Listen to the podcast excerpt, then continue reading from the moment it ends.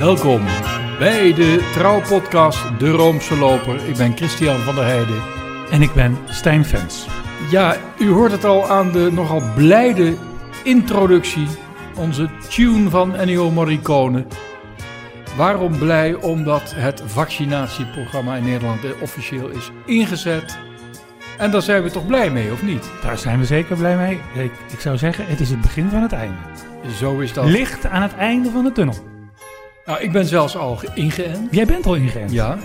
Krijg, je als Vaticaan, krijg je als Vaticaankenner voor Nee, dus naast mijn eh, zeer drukke Vaticanistische Ja. werkzaamheden ben ik ook werkzaam als geestelijk verzorger in een verpleeghuis. En daarom komen wij als eerste aan de beurt.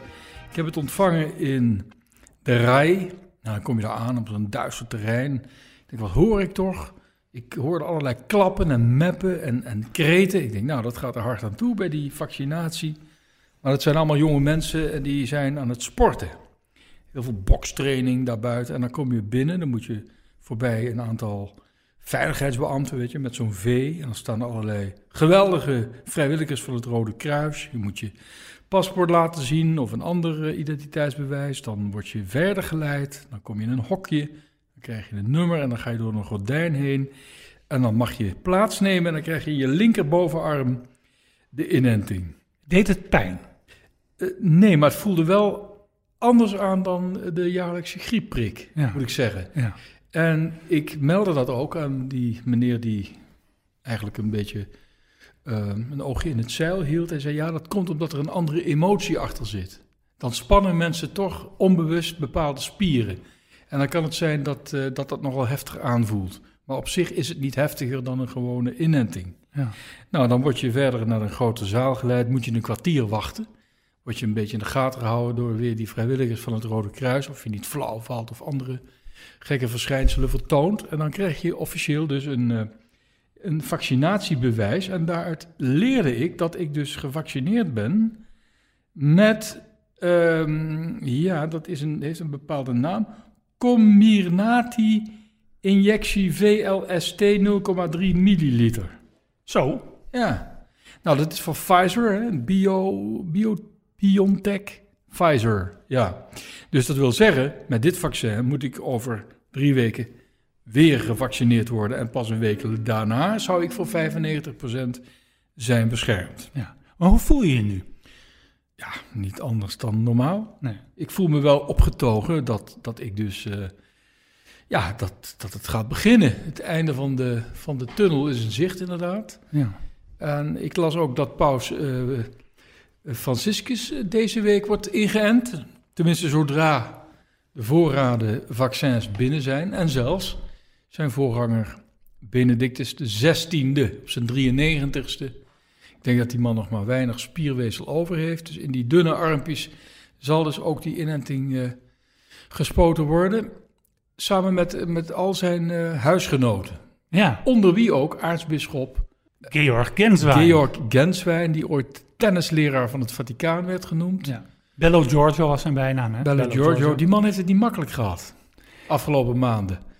Hij is eh, geopereerd aan, de, aan zijn nieren. Daar was een soort kanker bij hem geconstateerd. Hij was echt een paar maanden uit de running. Dan was hij voordien ook nog een keer door paus Franciscus op non-actief gesteld in, eh, ja, in diens eh, eh, hoedanigheid als prefect van het pauselijk huis. De, de- hij, had, hij heeft zelf gezegd, Genswein, dat het om een herschikking van werkzaamheden ging. Ja, zo kan je het ook noemen. Ja, en daarmee herhaalde hij eigenlijk wat de officiële verklaring van de Vaticaanse persdienst was. En heeft een interview gegeven ook, waarin hij eh, zegt dat hij behoorlijk in zijn hart getroffen was. Ja. Misschien had hij willen zeggen geschoffeerd, maar dat, daar is hij de man niet naar. En nog steeds is niet echt opgehelderd waarom hij nu eigenlijk op dat zijspoor terecht is gekomen. In ieder geval hebben ze elkaar weer eh, hartelijk begroet toen Franciscus in de kapel van Mater Ecclesiae, dat klooster in de Vaticaanse tuinen waar de emeritus paus huishoudt, waar hij eh, in die kapel ook de nieuwe kardinalen ontving. ja. En eh, ze allebei geen mondkapje droegen. De beide pauzen. Snap jij dat nou? Ik snap er helemaal niks van. Nee. Ja, er is zoals je weet een, een heel, heel groot stuk gepubliceerd over eh, de morele aspecten van vaccineren. Ja, dat vond ik toch wel mooi, omdat dus de Congregatie voor de Geloofsleer heeft eh, bepaald. eh, de Amerikaanse bisschoppen hadden dat eigenlijk al gezegd. En kardinaal Eijk heeft het ook al gezegd. Dat ook al zijn er misschien in de verste verte restmaterialen van geaborteerde foetussen betrokken bij dat vaccin, het toch eh, genomen, dat je toch als katholiek gevaccineerd mag worden. Hè? En dat eh, vanuit het algemeen belang kan vaccinatie worden aanbevolen, vooral om de zwaksten te beschermen en mensen die het meest aan het virus worden blootgesteld. Hè? In een werd gezegd in een officiële nota. En daarna, dat vond ik, ik vind, vind het ook wel fijn toch dat die, dat die verklaring er is, omdat het ook gewicht in de schaal legt. Kijk, als het, als het Vaticaan zegt dat eh, katholieken gevaccineerd mogen worden, sterker dat er zoiets bestaat als een morele plicht, hè? Wat hebben ze gezegd? In de regel geen morele pl- verplichting die vrijwillig moet zijn. Maar is het nou niet zo dat Paus Franciscus heeft gezegd dat het wel een morele verplichting is? Nou, daar is, eh, daar is men een beetje dubbel in. ja, Enerzijds is niemand ertoe verplicht omdat het de integriteit van het lichaam betreft. ja, dus iedereen mag het weigeren. Eh, dus je kunt het niet juridisch verplichten. Maar anderzijds is, om dit eigenlijk de enige mogelijkheid is waardoor de pandemie tot een einde kan worden gebracht, toch een soort ja, morele verplichting. Ja. Iedereen heeft de plicht om zijn eigen gezondheid te beschermen. Maar ook de plicht om de gezondheid van een ander en van, het, eh, van de hele samenleving te beschermen. Ja. Die vaccinatie op grote schaal heeft als doel een zekere groepsimmuniteit te bereiken. Dus het is echt iets van het bonum commune, hè, Ja. het algemeen belang, een van de speerpunten van de katholieke sociale leer. Maar wat nou als je toch als katholiek zwaarwegende morele gronden hebt waarop, waarop je zegt, nou, daar- ik, ik kan dat vaccin niet nemen vanwege het feit dat. Hè, wat, wat, moet, wat moet een katholiek dan? Ja, dat hangt er maar vanaf waarom eh, men daar morele bezwaren tegen heeft. Stel nu dat er mensen zijn die echt niets te maken willen hebben met de aangeboden vaccin, omdat zij dus verworven zijn uit in een ver verleden van materiaal van geaborteerde, geaborteerde fetussen. Ja, dan eh, zegt ze dan, eh, degene die dan eh, gewetensbezwaren hebben, moeten er naar streven, en ik citeer uit een document van de Amerikaanse bisschoppen, die moeten er naar streven om met andere profilactische middelen en passend gedrag te voorkomen dat ze een vehikel worden van de overdracht van de infectieuze agens. Wat een schitterende zin. Ja, profilactisch, dan, dat zijn dus geen condooms, maar wel mondkapjes en, en, en handschoenen eigenlijk. Hè? Ja. Ja.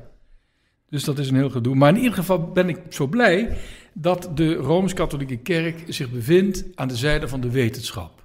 En niet aan de zijde van demagogen, van nano-fantasten, van New Age-denkers, van spiritisten, van mensen die altijd wantrouwen hebben, vooral tegen de grote instituten. En eh, daar kunnen we als katholiek trots op zijn, dat het gezond verstand eh, ja, hier ook zegeviert. Maar is het, het is natuurlijk ook zo dat, ook al neem je dat vaccin, dan, dan heb jij als katholiek niet ingestemd met de kwade handeling die abortus toch is. Dus je kunt dat vaccin nemen en tegelijkertijd ook zeggen: ik heb niks te maken met die kwade handeling waar deze, eh, die hebben bijgedragen tot dit vaccin. Dat Ja. kan je zeggen. Ja, Ja. Dus je kunt eh, genieten van de Amsterdamse grachtengordel. Eh, ook al weet je dat alle wilde architectonische pracht die daar tentoon wordt gespreid... verkregen is door immorele activiteiten van Nederlandse handelaren. Ja. Wat trouwens ook wel mooi is, waar bevindt zich het vaccinatiecentrum van het Vaticaan? In de audiëntcel, Paulus VI. Oh ja? Ja, daar wordt iedereen eh, naartoe geleid. Hmm, ja, die is groot genoeg. Die is groot genoeg. Ja, En ja, ik, eh, kijk, er wordt natuurlijk vaak meewarig gedaan over de kerk en over de paus. Maar ik denk dat het Vaticaan als staat eh, sneller volledig gevaccineerd is dan onze eigen Nederland. dat is ook niet zo moeilijk. nee.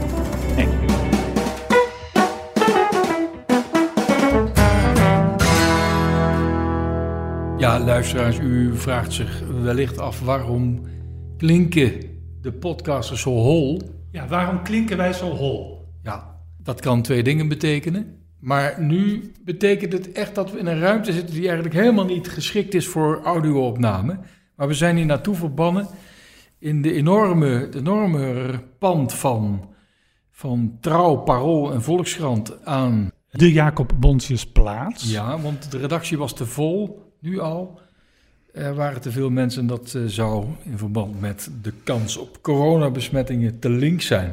Ja, we zitten Vandaag. in een zaal die heet de Jonge Thomaszaal. Een beetje een raadselachtige naam. Ik heb geïnformeerd bij de bevoegde autoriteiten over ook een oude Thomaszaal bestaat, maar dat was niet het geval. En wie is die Thomas? Ik zou het niet weten. Dat zegt het verhaal niet. Nee. Dus dat verklaart waarom dat wij hol klinken. Nog even iets voordat we verder gaan met ons volgende onderwerp. We hebben, of ik althans, mea culpa, heb iets verkeerds gezegd aangaande de levensloop van bisschop Muskens. In de vorige aflevering toen we het hadden over revolutie, dat boek van David van Rijbroek.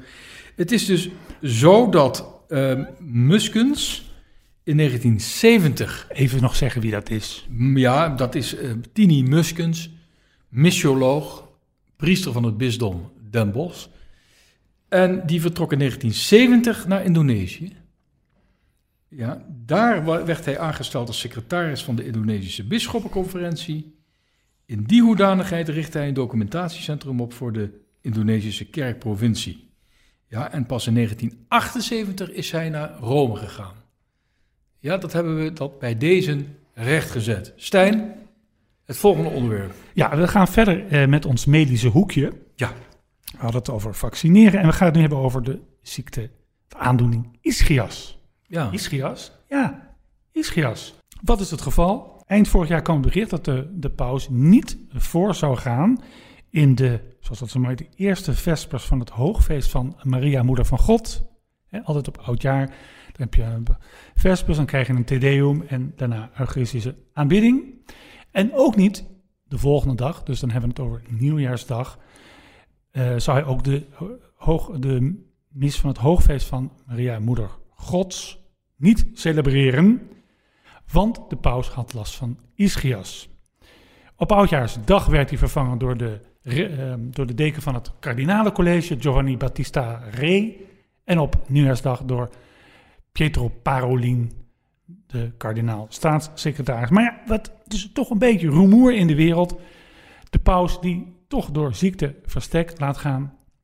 Nou, ischias, eh, wat is dat eigenlijk? wat is dat eigenlijk? Ja, goed dat je het vraagt, anders dan ga ik het namelijk even uitleggen. Ischias is een zenuwpijn, he- heel pijnlijk, zenuwpijn in het been vanuit de rug. En ja, je ziet eigenlijk als je de paus ziet lopen, dan zie je al dat hij pijn heeft. Hè? Je ziet af en toe een, eh, ik kan me dat, die scène Je, herinneren. kunt- je, je kunt niet zeggen dat hij echt atletisch loopt. Hij loopt niet atletisch, hij loopt een beetje ja, schommelend eigenlijk een beetje. Waggelend. Waggelend, waggelend, dat is het woord. Eh, vergeet, eh, ik, ik moet ook denken aan die scène op het Sint-Pietersplein. Ik dacht in 2019 dat er een Chinese vrouw staat. Ja. Die vraagt de aandacht van de paus. En die geeft hem een hand, maar die weigert die hand los te laten. En dan, dan rukt hij eigenlijk die hand los. Of hij slaat er eigenlijk. Ja, hij, hij mept haar. Ja. En je ziet tegelijkertijd, zag je toen een van pijn verwrongen gezicht. Dus hij heeft echt last van. Nou, Ja, maar die, die Chinese dame die kwam toch niet aan de rug of het been van de paus? ja, maar dat voel je in je hele lichaam. Hè? Dat straalt overal naar Dat uit. straalt overal naar uit, denk Ja, ik zo. Ja, ja. Ehm, nou ja, eh, het is heel vervelend. Het is niet dat het nou eh, de paus terminaal is of zo, of ernstig ziek is, maar het, het hindert hem wel in zijn, in zijn eh, voortbewegen. Ik heb dat natuurlijk even op internet, heb ik er even kennis over opgedaan over Ischias. En ik vond daar, ik geloof op de site ischias.nl, een aantal tips. Vijf tips voor als je veel last hebt van Ischias. Eén. Eh, doe speciale Ischias oefeningen. Twee. Blijf in beweging. Kijk, dat is natuurlijk een probleem met deze pauze, want zijn actieradius is toch zeker ook in dit coronatijdperk redelijk beperkt. Hè, vroeger, toen hij eh, nog aartsbisschop van Buenos Aires was, toen zat hij eh, in de metro en hij liep naar het, eh, naar het aartsbisschoppelijk paleis, weet ik veel. Hij, hij bewoog zich dus te voet eigenlijk door Buenos Aires. Ja, en nu wordt hij bij, de, bij het minste in een auto gezet. Je ziet ook dat hij toch wel wat is aangekomen hè, tijdens zijn pontificaat. Dus blijf in beweging. Laat ik zeggen dat daar voor de paus een uitdaging ligt. Drie. Wissel verschillende houdingen af. Nou, eh, dat, dat zit bij deze paus redelijk goed. Hij wandelt, hij ontvangt mensen in de bibliotheek, hij staat voor het raam, hij loopt daar een beetje rond. Ik denk dat dat nog wel goed is, maar ik geloof niet dat deze paus de deur plat loopt bij de Vaticaanse sportschool. Dus ook daarin ligt voor deze paus een uitdaging. Vier. Neem pijnstillers. Ja, altijd fijn, altijd goed, kan nooit kwaad. Vijf. Probeer stress te vermijden of te verminderen. Kijk, en dat is natuurlijk als je ja, leider bent van 1,3 miljard katholieken. Er is altijd wel wat. Spanningen in het bestuurlijk apparaat. Ik geloof dat er iets van nou, bijna 10 kardinalen zijn die over de leeftijd van 75 heen zijn, die vervangen moeten worden. Dan heb je nog altijd de klokkenluider Vigano. Je hebt gerommel in het dekenaat uh, Salzburg. Er is altijd wel wat voor een paus. Dus het lijkt mij dat als je plaatsbekleder van Christus bent en opvolger van de apostel Petrus, dat ja, stress vermijden of verminderen lijkt mij onbegonnen werk. Dus ik zou eigenlijk willen zeggen tegen Paus Franciscus: Beste Paus, Heilige Vader, oefeningen, blijf in beweging, wissel verschillende houdingen af en neem pijnstillers.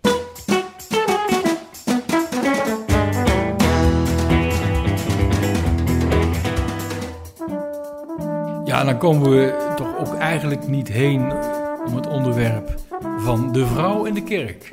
Ja, Paus heeft het kerkelijk wetboek veranderd. Ja. Zodat uh, vrouwen officieel kunnen worden aangesteld als acoliet en lector. Mm -hmm. Het heeft een beetje iets van mosterd na de maaltijd. Zo van de katholieke kerk schaft officieel de slavernij af. Iets wat eigenlijk al normaal praktijk is in vele plekken van de wereld. Wordt nu eigenlijk gesanctioneerd door de wijziging van het kerkelijk wetboek. Ja. Um, het zou dan ingegeven zijn door, dat, uh, door die synode over het Amazonegebied, waarin echt gevraagd werd om de vrouwen ook daadwerkelijk een, ja, iets van een plek in die, ja, het is niet eens de kerkelijke hiërarchie, maar in dat kerkelijke, hoe zeg je dat, kerkelijk apparaat officieel te geven. Ja, je wordt aangesteld als lector en acoliet. Er is natuurlijk die hele discussie geweest over dat vrouwelijke diaconaat. Nou, dat is er niet. Dat, die commissie er is weer een commissie aangesteld. Nou, je weet, als je iets niet wil, dan moet je vooral een commissie aanstellen. Dus dit is een beetje een pleister op de wonden. Maar ja, waar ik me wel een beetje over verbaasd heb. Ik, uh, ja, in de katholieke kerk in Nederland is, mag je als vrouw al jaren lector zijn en acoliet. Ja, maar daar gaat het nu niet om. Waar gaat het dan wel om? Het gaat om de aanstellingen. Kijk. Ja. Uh, voorheen uh, kregen alle priesterkandidaten, trouwens ook kandidaten voor het diakenambt, kregen een aanstelling. Een aanstelling tot lector en een aanstelling tot acoliet. En dat was als het ware een bepaalde stap richting dat gewijde ambt. Dat was nog een relict van de zogeheten lagere wijdingen. Vroeger werd je gewijd tot ostiarius, daarna tot exorcist, tot lector, tot acoliet, tot subdiaken, diaken, priester. En dat waren de zeven wijdingen. Als je gewijd werd tot bisschop, dan heette dat geen wijding, geen ordinatio, maar een consecratio. Consacratio. En dat is dus afgeschaft door Paulus VI. En wat Franciscus nu heeft gedaan, is om allerlei liturgische taken van leken ook daadwerkelijk laïkaal te laten zijn. Dat wil zeggen dat ze dus niet verkapte uh, klerikale ambten zijn, dus van, van, van clerici in spe, of potentiële clerici, maar ambten, zo je wilt, van gedoopten en gevormden. Nou, en daar horen, hoort het vrouwvolk ook bij. Dus natuurlijk bestond de praktijk al heel lang dat vrouwen, hè, in het Vaticaan trouwens, zie je bijna altijd dat de lezingen door vrouwen worden gedaan. Hè? Dus ook maar ook te zeggen wij discrimineren op dat vlak helemaal niet. Uh, ik heb nog eigenlijk geen, in het Vaticaan, nog geen vrouwelijke misdienaars gezien. Misdienettes, dat komt dan toch weer voor het gevoel te iets te dicht bij het altaar, bij het gewijde ambt. Ja. Dus ik ben wel benieuwd hoe dat dus nu vormgegeven gaat worden. Hè? Want kijk, bijna alle misdienaars, acolieten in het pauselijke eh, liturgisch eh, protocol zijn man. En waarom? Omdat het allemaal priesters zijn, monsignori, eh, zelfs bisschoppen die, eh, die vaak eh, wat liturgische taken verrichten die niet direct priesterlijk zijn. Maar als de paus werkelijk wil laten zien dat het hem op dit vlak menens is, dan laat hij ook vrouwen toe in toog en superplie. Trouwens, waarom moet dat dan in toog en superplie? Want dat zijn klerikale drachten. Je zou kunnen zeggen, we laten dat helemaal ook weg. Nou, jij zoals bij de lector. Maar jij, wat jij eigenlijk zegt door, door dit nog eens te benadrukken en ook als iets laïcaals, Ja. dus iets van de leken, zou je ook kunnen zeggen dat eh, die door velen gedroomde toegang van de vrouwen tot de gewijde ambten hier nog eens mee definitief, ja, nog eens de- dat de paus hiermee duidelijk maakt dat dat er voorlopig niet of niet, helemaal niet in zit. Nee, dus het omgekeerde is het geval. Dus bepaalde liturgische ambten zijn gedeclericaliseerd. Ja, Ja, en dat wil dus niet zeggen dat de vrouw uitzicht heeft op de klericalisering van het vrouwelijk functioneren in de kerk. Want de paus heeft ook duidelijk gezegd in een, in een begeleidende brief aan de prefect van de Congregatie voor de Geloofsleer, begeleide bij dat motu proprio Spiritus Domini, waarin hij dus de kerkwet voor het Latijnse Westen overigens verandert, dat het niet zo is dat de kerk vrij is om het priesterschap voor vrouwen Ja. open te stellen. Dat is een andere zaak. Maar het gaat hier dus om liturgische taken. Je zou ook kunnen zeggen dat, eh, als je dan toch bezig bent, dat ook het bloemschikken eh, open wordt gesteld voor vrouwen in, een, in de kerk. Dat is geen officieel eh, ambt, ministerium. Nee, nee. Zou wel terecht zijn als dat, eh, als dat officieel zou worden gemaakt, toch?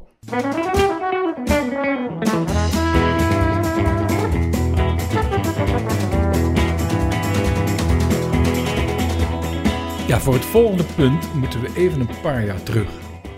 Namelijk naar 2 augustus 2018. Wat gebeurde er toen? Toen heeft Paus Franciscus bekendgemaakt dat hij een tekst van de universele catechismus zou wijzigen. En dat betrof eh, de alinea eh 2267. En Dus de catechismus bestaat uit allerlei alinea's en die zijn allemaal genummerd. Dus 2267 is gewijzigd. En dat gaat over de doodstraf. Daarin zei Paus Franciscus dat de doodstraf ontoelaatbaar is. Dus hoe gruwelijk de misdaad ook is van een persoon, hem ter dood veroordelen en hem ook daadwerkelijk executeren, dat is eigenlijk immoreel, zou je kunnen zeggen. Nou, dat, eh, eh, dat is dus echt pro-life. En staat de doodstraf daarmee in hetzelfde rijtje als abortus en euthanasie? Dat is natuurlijk een hele lastige. Want we zien in het Oude Testament heel veel geboden, de geboden van de Torah, die eh, gebieden namelijk executie. Hè? Als je dit en dat doet, dan moet je ter dood worden gebracht. En waarom? Eh, heel lang heeft de doodstraf eh, niet als immoreel gegolden wanneer het het, totaliteitsprincipe zou zijn eh, betracht. Namelijk wanneer je de gemeenschap beschermt om bepaalde mensen te elimineren, dan was het toelaatbaar. Maar daar is dus echt een verandering gekomen. En ja, als je zegt een verandering van de leer, dan wordt altijd gezegd de leer is onveranderlijk. En hoe kan dat dan dat, wel nu, ehm, ja, dat is een mysterie, Stijn, dat wij, eh, om met Bomans te spreken, in, met kinderlijke blijmoedigheid dienen te aanvaarden. Er is natuurlijk wel iets voor te zeggen, hè? maar daar hebben we denk ik een echte jezuïet voor nodig om dit een beetje goed te praten. Ja, maar in ieder geval, er is dus een wijziging van een catechismustekst doorgevoerd. Waarom hebben we het hierover? In de nacht, in de vroege ochtend eigenlijk van 13 januari 2021, want daar zitten we nu, is voor het eerst sinds 1953 een vrouw door de federale autoriteiten van de Verenigde Staten van Amerika ter dood gebracht. En het gaat hier om een dame die heet Lisa Montgomery. Zij is 52 jaar en in 2004 was zij op zoek naar een baby. En ze ging online kijken op internet van hoe kan ik een, kan ik een vrouw zover krijgen dat ze me binnenlaat. Nou, dat is dus gebeurd in een stadje ergens in eh, de staat Missouri. Daar heeft een 23-jarige zwangere vrouw deze Lisa Montgomery binnengelaten. Uh, die vrouw is gewurgd door Montgomery en de foetus is uit de buik gesneden. Die foetus heeft het overleefd. Thans is dat een tiener. Moet je nagaan. Om zo op de wereld te leven met, met, met die kennis is natuurlijk iets gruwelijks. Maar deze uh, Lisa Montgomery is dus uh, ter dood gebracht door de federale autoriteiten. En eigenlijk had een, een lagere rechter bevolen om, om deze doodstraf uit te stellen. Het Hoge Rechtshof zou zich er maar over moeten uitspreken. Het Hoge Rechtshof ja, heeft dat gedaan en heeft gezegd: nee, deze executie moet doorgaan. Nou, zoals je weet, um, zijn zes van de negen opperrechters zijn beleidend rooms-katholiek. Dat is natuurlijk heel merkwaardig. 20% van alle Amerikaanse staatsburgers zijn katholiek. In het nieuwe congres trouwens zijn, is 30% van alle uh, volksvertegenwoordigers, uh, afgevaardigden en senatoren katholiek. Dus dat is ook een, als het ware een oververtegenwoordiging. Maar zes van de negen, dat is natuurlijk a fortiori een oververtegenwoordiging. De laatste opperrechter, benoemd door Trump, is Amy Coney Barrett. Echt ook heel vroom katholiek. Uh, tegen abortus natuurlijk, met andere woorden pro-life. Maar op dit punt niet echt pro-life. Nee. Ja, maar dan zou je zeggen, een opperrechter van het Hoge Rechtshof zit daar niet om de katholieke leer uh, toe te passen. Die zit daar om de grondwet toe te passen. Om bepaalde wetgevingen, om bepaalde jurisprudentie te toetsen aan de American Constitution. Oké, maar hoe kan het dan dat drie van de negen rechters tot een hele andere conclusie komen? Die worden dan weggezet, als het ware, door de rechtse factie als liberals. Maar die zeggen nee, die komen tot een oordeel dat het niet rechtvaardig is, omdat die rechter gelijk had dat te laten uitstellen. Want die advocaat zei, deze, deze Montgomery is namelijk niet helemaal toerekeningsvatbaar. Ze heeft psychische problemen. Ze is als kind gruwelijk seksueel misbruikt. En daarom zou ze ook niet beseffen waarom dat ze ter dood wordt gebracht. Goed. Je zou verwachten van katholieke rechters dat ze in ieder geval daar rekening mee houden. Dus dat vind ik merkwaardig. Dus we, hadden het over pro-life. Ja, pro-life, daar weten we, dat is tegen euthanasie, tegen abortus. Maar daar hoort volgens Paus Franciscus heel duidelijk ook tegen de doodstraf bij. En in Amerika zie je vaak dat conservatievelingen wel tegen abortus zijn, maar niet tegen de doodstraf. En dat is in ieder geval vanuit een Rooms perspectief een contradictie. Nou ja, je ziet ook dat, uh, dat die, die, die scheiding loopt ook door de Amerikaanse bisschoppenconferenties. Je hebt uh, bisschoppen die, zeker met, uh, rond de presidentsverkiezingen van november, eigenlijk alleen, alleen maar over abortus spraken. Biden, Biden komt, als Biden aan het bewind komt, dan, dan, gaan, dan wordt die abortuspraktijk weer verruimd. Dan komt er nooit een einde aan. Terwijl je ook bisschop hebt, bijvoorbeeld de aartsbisschop van Chicago, Shupich, die heel duidelijk meer, meer toch uiteindelijk, laten we zeggen, in het idioom van Franciscus zit. Namelijk, als je pro-life bent, ben je tegen abortus. Tegen euthanasie, maar ben je ook tegen de doodstraf. Dat hele pro-life begrip heeft Franciscus natuurlijk uitgebreid. als hij erover praat, zal hij altijd zeggen: voor elk leven. Elk leven is heilig. En je ziet en dat, eh, dat die kloof die er toch bestaat tussen Franciscus en een deel van de Amerikaanse bisschopconferentie, ik zou zeggen de meerderheid nog altijd, nog steeds uh, uh, bestaat. Ik kan me zelf herinneren, ik ben, was ooit bij een bijeenkomst van de Sant'Egidio-beweging in Leuven, heel, heel lang geleden. En er was een soort ja, processie door de stad. Ik liep naast een bisschop uit de Verenigde Staten, ergens van de oostkust, ik dacht Rhode Island of zo. En uh, toen, nee, we liepen naast elkaar en toen zag ik dat hij een speldje op zijn revers had. Dus ik vroeg, waar is dat voor? Nou zegt hij, dat, dat, is, dat laat zien dat ik pro-life ben en tegen abortus. Nou, dat lijkt me duidelijk. Maar, zeg ik, vroeg ik hem, dan bent u natuurlijk ook tegen de doodstraf. Hè, als, we het, als we het over pro-life hebben. Toen keek hij me even een paar seconden aan, met een gevragende blik. Hoe bedoelt u? Ja, dus je ziet dat is die, die gedachte daar nog altijd nog moet indalen bij sommige bisschoppen en bij heel veel katholieken. Maar dan kan hij onmogelijk lid zijn van de Comunità die Sant'Egidio. Want het is juist die gemeenschap die zich wereldwijd inzet tegen de doodstraf. Ja, nou, en dat, nou, dat zal hij, het was in Leuven, dus daar zal hij wel iets over gehoord hebben. Het ging daar toen nog vooral heel erg over, uh, over de interreligieuze dialoog. Nou, daar, daar, kan je eigenlijk nooit een pijl aan vallen. Nee. Maar je ziet dat uh, die, de rechtervleugel van de Rooms-Katholieke Kerk in Amerika, die is natuurlijk een verbond aangegaan met de, met de conservatieve beweging in Amerika. Want die vinden elkaar op een heleboel vlakken en bijvoorbeeld op het vlak van abortus. En dan gaat abortus voor. Ja, Zo is dat gewoon. heel merkwaardig, want Trump die, eh, ja, die is nog, heeft nogal eh, bloed aan zijn handen, want die, die, die heeft al volgens mij al de laatste zeven maanden al toegezien op eh, de executie van elf burgers. Ja. Ja, federaal hè. Dus ja, dan hebben we het niet over die afzonderlijke staten die burgers ter dood brengen. Dus trouwens toch wel, waar ik heel erg benieuwd naar ben, is welke rol de christelijke kerken in Amerika gaan spelen om te zorgen dat dat land een beetje heelt. Dat die, dat die enorme kloof hè, tussen de, de ene kant de, de Trump-aanhangers, aan de andere kant de, de aanhangers van Biden. Dat is een kloof, dat is een, er zit een hele oceaan tussen. Ja. Wat kunnen de christelijke kerken doen om die kloof een beetje te verkleinen? En interessant, een eh, oud, volgens mij een oud rector van. eh, moet ik even, even. Interessant in dat opzicht is dat een pater Jezuïet eh, zal, de, eh, zal een toespraak houden tijdens de inauguratie van Biden. Aha, En ik ben heel benieuwd. Kijk, we weten al dat de toespraak van die Biden gaat houden, zal in het teken staan van unification. Eh, Ik ben president van jullie allemaal. We moeten elkaar weer vinden. We moeten samen op weg gaan. En wat kan dan het geluid van de christelijke kerken zijn? Ben ik benieuwd naar. ja.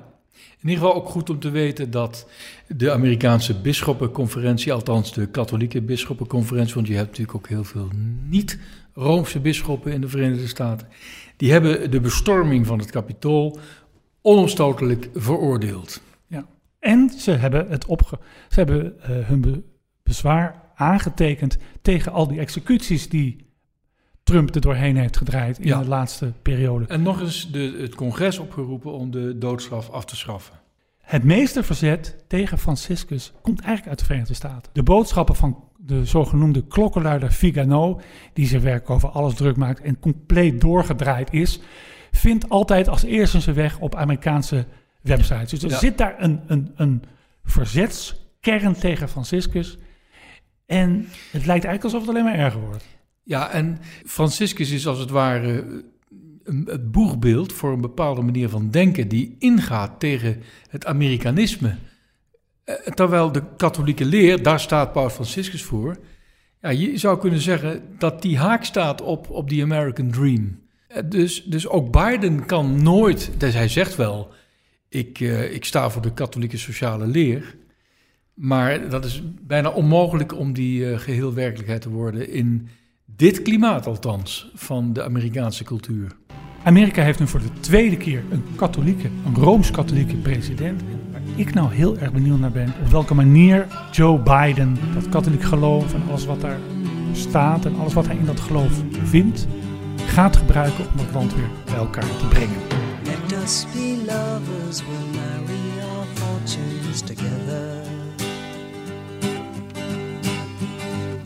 Got some real estate here in my bag. Tot zover de Roomse loper. Wij nemen afscheid van u, maar niet voordat we u hebben gemeld dat Paus Franciscus inmiddels is ingeënt met de eerste dosis van een coronavaccin. Tot een volgende keer.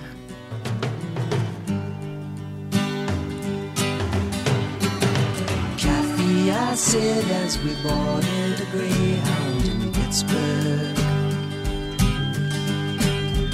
Michigan seems like a dream to me now. It took me four days to hitchhike from Saginaw. I've come to look for America. Laughing on the bus playing games with the faces. She said the man in the gabardine suit was a spy. I said, be careful, his bow tie is really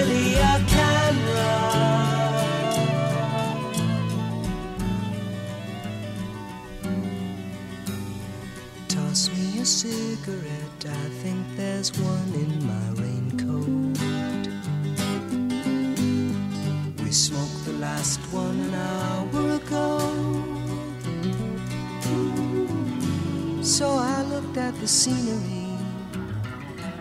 She read her magazine, and the moon rose over an open field.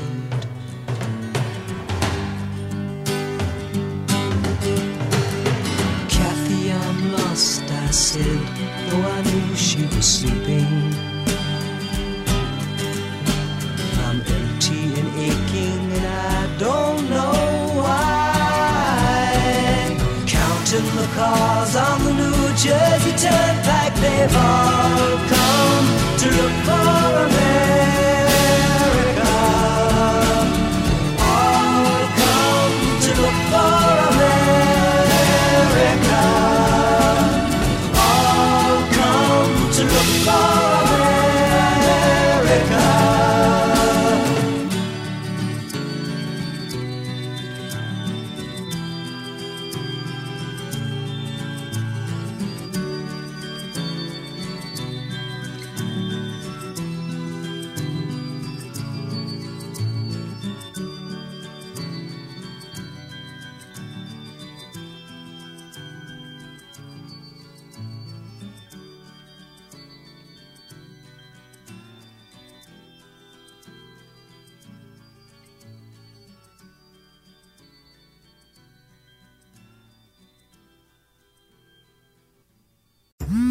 Worden dagelijks overladen met overbodige informatie. En het is moeilijk de zin van de onzin te scheiden. Daarom vertrouw ik op echte journalisten in plaats van meningen.